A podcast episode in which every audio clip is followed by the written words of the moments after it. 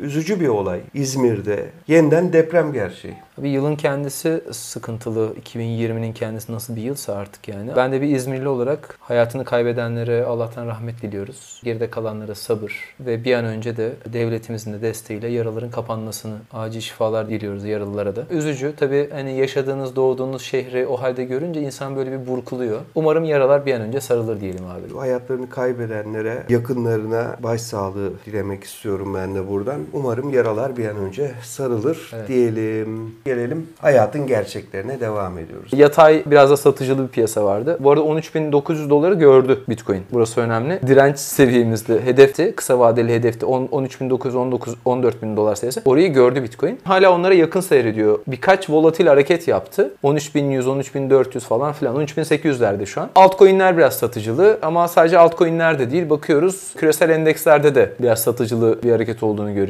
Altın da düştü abi. Evet, yani- Türkiye gram altın olarak bakarsan yükseldi ama Evet, aynen. altın 1860'a kadar düştü aslında. Orada da bir bekleme var. Doğru Türkiye'de ya. her şey yükseliyor. Ne güzel değil mi? Hani düşse bile küresel piyasalarda bizde yükseliyor yani. Çok, güzel bir şey. ya, çok Pembe güzel. bir ülke. Evet mesela dolar yükseliyor, altın yükseliyor. Her şey yükseliyor. Çok sempatik bir hale gelmeye başladı. Ben pek orada öyle düşünmüyorum da nasip en azından yayında söylemiyorum. Şimdi abi geçtiğimiz hafta ne oldu? Biliyorsun e, PayPal haberini konuşmuştuk bir önceki hafta. Circle şirketinin CEO'su PayPal üzerinden yaptığı bir Bitcoin alımını paylaşmış. Süreç başladı yani PayPal. Yani evet başladı. Küresel oyuncuların piyasaya girdiğini bayağıdır konuşuyoruz zaten. Diyoruz ki şu oluyor, bu oluyor. Kötü şeyler de oluyor. İşte BitMEX hakkında CFTC işlemlerini durduruyor. OKEX kendisiyle alakalı bir işlemden dolayı para çekimlerine yasak getirdi falan. Bunlardan da bahsediyoruz ama ekosistemin genel olarak büyüdüğünü de anlatıyoruz. Çünkü Doğru. ekosistem genel olarak da büyüyor çünkü. Bir örnek daha vereceğim. 2017 yılında Bitcoin ile ilgilendiği için işçi çıkaran, çalışan çıkaran JP Morgan, Amerika'nın en büyük bankalarından bir tanesidir. Eski de bankalarından bir tanesidir bu arada. Onyx diye bir blockchain bölümü kurmuş abi geçtiğimiz hafta. Ve GPM Coin diye de bir ödeme sistemlerine aracılık olacak bir tane de ürün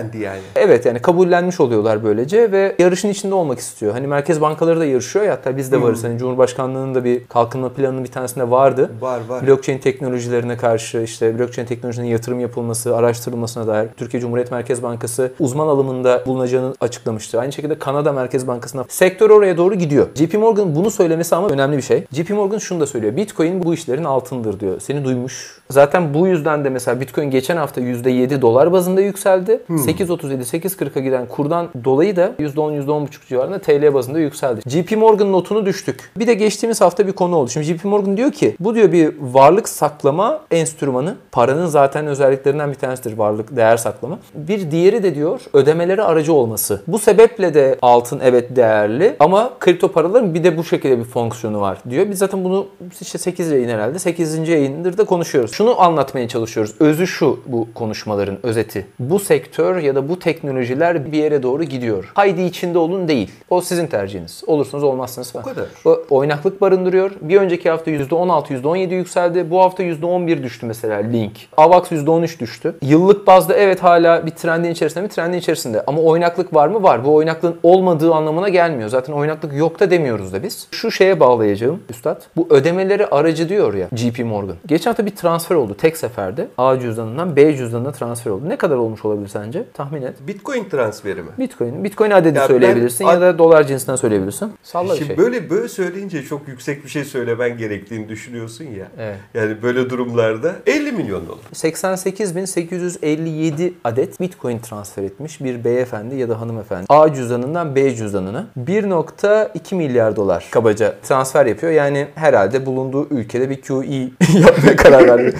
Hayır, tek işlem mi abi bu? Tek işlem, evet. tek işlem ve 3.62 dolar ödemiş bu işlem için sadece. Çok para harcamış abi. Harcadığı parayı hedgelemiştir muhtemelen bir yerde. Olabilir. piyasa- 3.60 dolar. Birkaç dakikada geçen işte Bitcoin konuysa eğer bu işte bir 8-10 dakikada fazlasını söylüyorum olan bir işlem. Bu kadar yüklü miktardaki bir para hareketi çok hızlı ve çok güvenli bir şekilde bir yerden bir yere doğru yapılabiliyor. Yani İsim belli mi abi? isim belli değil üstad. O kendini açıklamazsa belli olmaz öyle şeyler. Öyle mi? Bir bankacılık işlemi olsaydı mutlaka isim cisim falan filan verilmesi gerekmiyor muydu? Hatta Evet. devletlere belki bu konuyla ilgili rapor vermek gerekiyor. Hatta belki engellerle karşılaşıyorsun falan. 1.2 milyar doları bir kalemle transfer ediyor. Kimin transfer ettiği belli değil, kimin aldığı belli değil. Ha, bazı açılardan baktığın zaman bu olumsuz gibi görünebilir ama bir başka açıdan baktığın zaman da işin ne kadar hızlı olduğunu ve gizlilik esasının ne kadar önemli olduğunu gösteriyor bence. Ya zaten şu an işte iki haftadır şeyi konuşuyoruz, iki buçuk haftadır diyelim.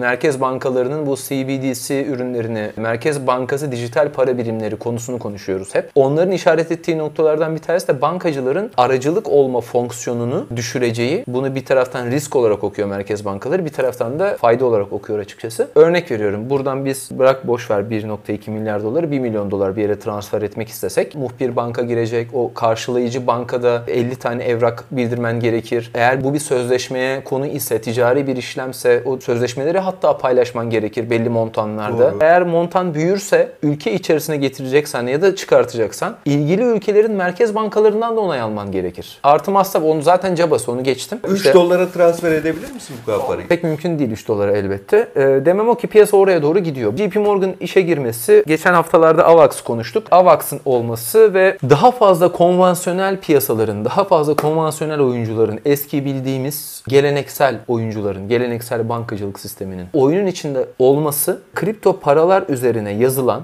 yeni finansal enstrümanların türemesine yol açıyor. Kripto Volatility Index çıkartmışlar. Benim çok hoşuma gitti. Şimdi normalde VIX endeksi vardır. Yani volatility yani oynaklık endeksi vardır VIX küresel olarak. Bu Amerika'daki opsiyon piyasasında yazılmış opsiyonların alım ve satım opsiyonlarının oynaklıklarından türetilen bir endeks. Opsiyonlardaki oynaklık, yön bilinmezlik ne kadar artarsa VIX de bundan o kadar etkilenir ve Ne işe yarıyor? artar. Açıkçası piyasanın piyasadaki oynaklığın arttığını ve artacağına delalettir. Genel olarak da tahmin etmenin ötesinde olanı biraz daha fazla açıklar. Korku endeksi diye de tanımlanır. Bunun benzerini kripto için de yapmışlar. Pandemi sonrasında VIX'e bakıyorum yani S&P 500 üstüne olana bakıyorum Amerika'daki. Mesela Şubat'ın ortalarında 14-16 seviyesindeymiş. Pandemi çıkmış Mart sonu Mart ortalarında 83 görmüş abi. Amerikan seçimlerine dair biz ne biliyoruz? Bir şeyi biliyoruz ki 3 Kasım'da kimin seçilmeyeceğini. Anketler şimdi birbirine çok yakın. Biz 2 haftadır şeyi konuştuk. 2-3 haftadır. Kaç haftadır işte konuşuyoruz yani seçim yaklaştıkça. Diyoruz ki Biden arttırdı farkı Trump. Aman onunla dalga geçti. İşte farklar aldı açıldı falan filan. Şimdi yine gelmeden Real Politics'ten baktım. Böyle bir tik daha sanki Biden lehine açılmış gibi görünüyor. O gece kimin seçileceğini gerçekten bilmiyoruz. Doğru mu? Evet. Biz bunu ne zamanlar bilmiyorduk? Örnek veriyorum. İngiltere referandumunda bilmiyorduk. Brexit referandumunda. Bizim yerel seçimlerimizde bilmiyorduk. Almanya seçimlerinde bilmiyorduk biz bunu. Şimdi böyle referandum veya seçimlerde bir şeyi biliyoruz. Seçimin ertesi günü ne olacağını bilmiyor olduğumuz seçim sonucunu. Ya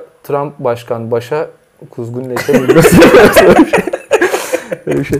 Şimdi abi e, şunu bilmiyoruz. Tutamadın değil mi yine? Tutamadım abi Yine kendimi. tutamadın. Şimdi Trump başkan aslan liderimiz gelirse eğer örnek veriyorum ya da Biden gelirse şu kesin piyasalarda bir oynaklık olacak. Doğru mu? Böyle zamanlarda şu iddiada bulunulabilir. Ben 13.400 dolar orta fiyatını alıyorum Bitcoin'in.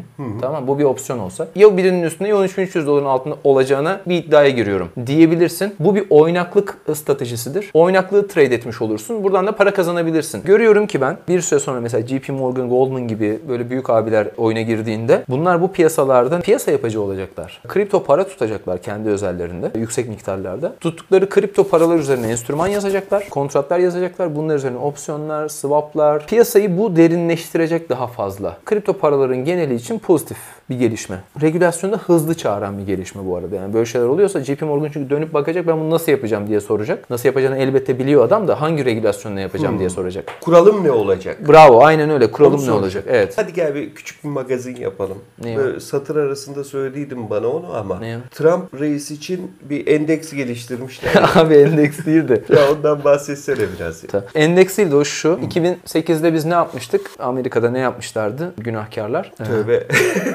Küffarlar.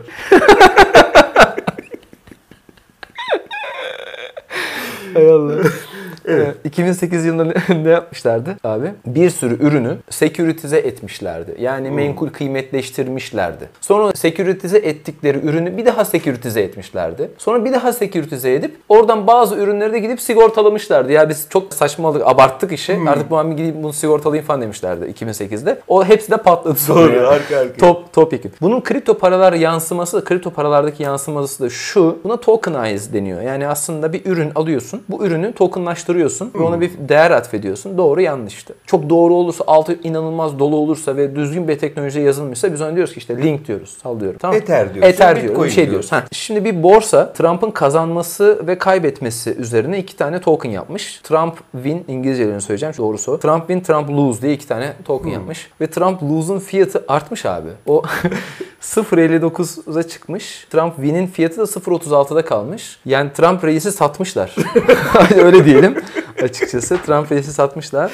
Yani olmaz diyorlar Trump Evet. reis artık. Olmaz evet yani. Başka ülkede olsa mesela kapatırlar o exchange'i direkt. Tabii tabii. Sen nasıl bu böyle bir şey yaparsın? ya diye. bir bizde olmaz o, bir Amerika'da olmaz da. Bizde olmaz, Amerika'da olmaz aynen. Senegal'de olmuyor. Kamboçya'da olmaz. Kamboçya'da. Kamboçya gene iyi deme öyle. Togo mu ne var ya öyle bir ülke. Togo, o- Ha. Togo çok Vanuatu'da falan olmaz herhalde. Yani. Hani Togo hep bana hep ayakkabı markası gibi. var öyle bir ayakkabı markası da ama Var bir, yani bir de Togo diye bir ülke. Ama yani evet güzel bir ürün. Orada da yok ama. Orada yok. Yani hani böyle bir ürün yapmışlar ve buradan da şu sonucu çıkarımda bulunuyorlar. Tabii hafif böyle bir geyik bir konu bu. Ben ama hala ufak bir şerh koyuyorum. Emin değilim abi gerçekten. O anketlere 50 tane falan anket var alt alta Real Politics'te. Hepsi Biden'ın önde olduğunu söylüyor. Birçok eyalette. Ama ben yine de emin olamıyorum. Belki bu 18 yıllık falan yaradan dolayıdır. Hiç tutturamıyordun değil mi? Sıfır abi. Sıfır. Net yani. Trump konusunda emin ol ben de hiçbir şey Değil söyleyemiyorum. mi? Bırakıyorsun değil mi böyle bir Ba- güven Biden payı? kazanacak Aynen. diyemiyorum. Güven payı değil. Ben Biden kazanacak diyemiyorum. Ben de diyemiyorum abi. Aynen. Sanki son anda bir şey olacak. Kedi girecek falan gibi bir korkum Aman ya abi. bir endişem var yani.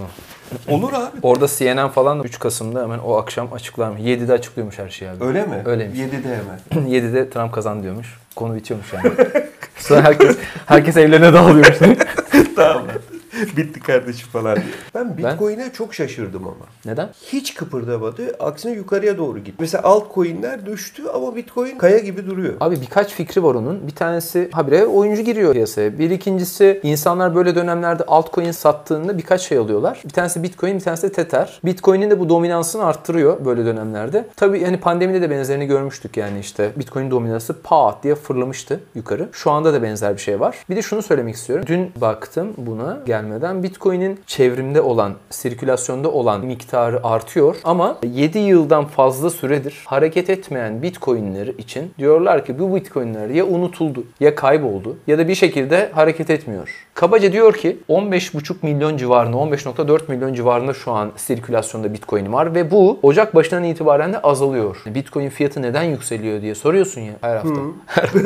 ben de her hafta. Bıktım sen. Abi sen- Yeter artık ya. 100 bin olmayacak Selçuk. Olmayacak 100 bin. Abi şöyle Olacak mı abi 100 bin?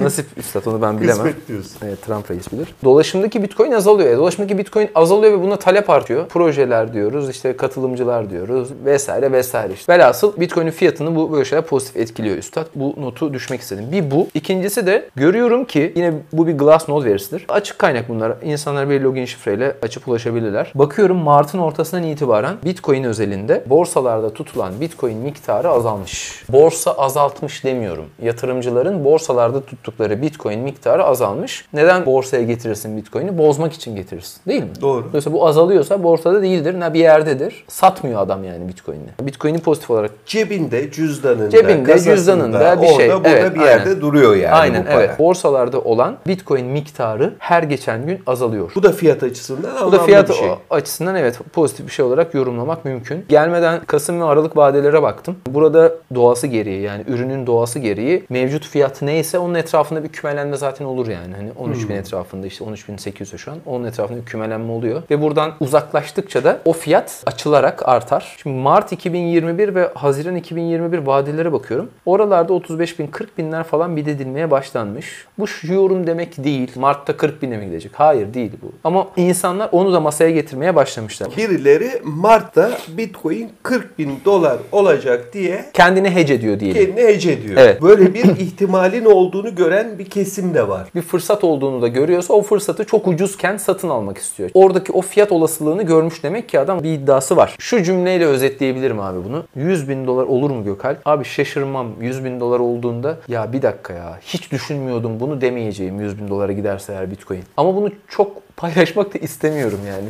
O sevinci içimde yaşıyorum diyeyim. Bu kripto para işini sadece Bitcoin için konuşmuyorum. Diğerleri için de konuşuyorum. Kurt Arnavutköy'de arazi almaya benzetiyorum. 20 yıl önce ama. Ulan dağ başı burası alınır mı falan. Bence 20 yıl önce değil. Ee, 10 yıl önce olabilir evet. 20 Yani yıl önce değil. Oraya bile gitmeye gerek yok. Doğru söylüyorsun. Çünkü onun 20 yılı Bitcoin'in 2010'ları falan, 2011'leri falan olması lazım yani. Ha bu arada şunu söyleyelim. Geçen hafta link düşebilir dedik. AVAX düşebilir dedik. Ha bu seviyelerden alınır mı? Alınır dedik. Ether düşer mi? Düşebilir dedik. Şunu çok net söylüyorum arkadaşlar. Hiçbir enstrümanı tepeden satamazsınız, dipten alamazsınız. Bir yerden alacaksan alacaksın. Ha bunu 3 günlüğüne de alıyorsan alma zaten abi. İhtiyacın olan bir parayla hemen yarın ödemen gereken bir parayla alıyorsan alma. Kripto paralar için konuşmuyorum bak. Bütün enstrümanlar için konuşuyorum Gökhan. Altın da alsan, dolar da alsan, sterlin de alsan, borsaya da girsen, kripto borsasına da girip oradan bir kripto ürünü de alsan 3 günde şansın yaver giderse 1-2 defa kazanırsın ama 3. de öyle bir çakılırsın ki neye uğradığını şaşırırsın abi. Bir kitap tavsiye edebilir miyim? Et abi. Michael Cowell'ın Trend Takipçisi kitabının adı. Eğer herhangi bir yatırım enstrümanına ilgisi varsa bir izleyenin alıp mutlaka okuması gerektiğini düşünüyorum. Süper. 80'lerden beri olan trade etmiş 6-7 tane yanlış hatırlamıyorsam sihirbazı, iyi trader'ı ve fon yöneticisinin hayatlarını ve şeylerini anlatıyor. Nasıl trade ettiklerini anlatıyor. Aslında bir trading kitabı. Hayatını anlatmıyor sadece. Nasıl trade etmen gerektiğini de anlatıyor. Orada şunu söyler. Bir trendin yalnızca 1 bölü 3'ünü yakalayabilirsin der. Yani girişteki 1 bölü 3'ünü muhtemelen yakalayamadın. Çünkü orada tanımlıyorsun ancak trendi. En tepedeki 1 bölü 3'ünde de nereden çıkacağını bilemiyordun. Dolayısıyla onu da kestiremedin ama aradaki 1 bölü 3'ü yakalayabilirsin ve onu yakalıyorsan da başarılısın Doğru. der. Doğru abi. Çok güzel bir tespit. Merak edenler, daha fazla ilgi duyanlar açıp okuyabilir. Bir daha Bayağı söyler detaylı misin? Michael Cowell Trend takipçisi. Süper. Birkaç yayın evinden var. Birkaç online kitapçısından da alabilirsiniz. Bir iki cümle piyasadan da bahsedeyim. istersen bitirelim. Siz nasıl arzu edersiniz? Ne demek? Ne demek efendim? Biz Ya koskoca koskoca ne? kripto kahiniyle Yani. bizim burada şey yapmamız. kahin e, Allah. Biz biz kuluz abi. Biz ne istiyoruz? Biz biz ne istiyoruz? Bir ekmek bir su. Yaşıyoruz. Doğru. Şu seviyelere gerçekten dikkat e, çekmiştik. 13.850 12.000 vardı aşağı. Tepede 17.000 var hala. Biraz bu seçim öncesinde pozisyon almalarını önermiyorum yatırımcıların. Beklemek biraz daha faydalı olabilir. Ether'deki trend hala yükseliş trendi korunuyor. Seçim öncesinde elbette düzeltme hareketleri beklenir. Ether'deki 350'nin linkteki karşılığı da 10.50. Hala orada da yükseliş kanalının korunduğunu görüyorum. AVAX yine biraz gol yiyen tarafta. 3.65 3.62 civarlarında AVAX. Söylemler neyse ilk baştaki bu ürünlere dair aynılarını hala korumak gerekiyor. Çünkü ürün neyse onu anlatıyoruz. Yoksa bu o, alın satın e, gibi fikir vermiyoruz kimseye. Seçim sonrası haftası ne bekliyoruz? Kripto para almış yatırımcı karının yakınlarına stop loss koyup çıkmayı düşünmeli seçimden önce. Biraz riskli olabilir, oynaklık yüksek olabilir o hafta. Geçen hafta da bundan bahsetmiştik. Seçimden sonraki hafta için pozisyon almak doğru olabilir. Oraya giderken de bu haftayı biraz daha böyle okumakla, araştırmakla, işte blog yazıları, makaleler veya işte kripto para ne veya işte küresel piyasa, sadece kripto para da değil. Finans piyasaları nereye nereye gidiyoryu izlemekle geçirebilir. Seni izleyebilirler. Dolar TL zaten geldi 8.40'a. 8.28.40 dedin. Benim hakkımda söylediğin şeylerle alakalı da korkuyorum artık. Ha, ben de senden korkuyorum. Yani. Sen de 13 bin dedin, yarın olur dedin. 13.900'deyiz. Çok teşekkür ediyorum Gökhan Abi, geldiğin demek? için. Ben teşekkür ederim. Ee, sahiden riskli bir haftaya giriyoruz bu arada. Evet. Bütün piyasalarda sadece kripto paralarla ilgili değil arkadaşlar. Bütün piyasalarda bir bekle gör sürecindeyiz. Bravo, evet. Bunu özellikle belirtmek istiyorum. Mümkün olduğunca pozisyonunuzu bozmayın derim ben. Durun bekleyin. Evet bir takım gevşemeler olabilir. Yatay seyirler olabilir. Bunlar geçici olacak. Önümüzde çok sıkıntılı bir süreç var. Pandemi var. Ekonomilerdeki daralma var. Kapanmalar var vesaire vesaire vesaire. Ve bütün bunlar piyasaları etkileyecek. Altın çok agresif bir şekilde yükselecek. Türkiye'de dolar yükselmeye devam edecek ki dünyada da yükseliş eğilimine devam edecek. Petrol fiyatları çok hızlı bir şekilde düşecek bana göre arkadaşlar. Kripto paralar da özellikle Bitcoin gördüğüm kadarıyla altın gibi değil mi? Yani altınla birlikte yükseliyor. Orada da bir 100 bin dolar diyor Gökalp İçer.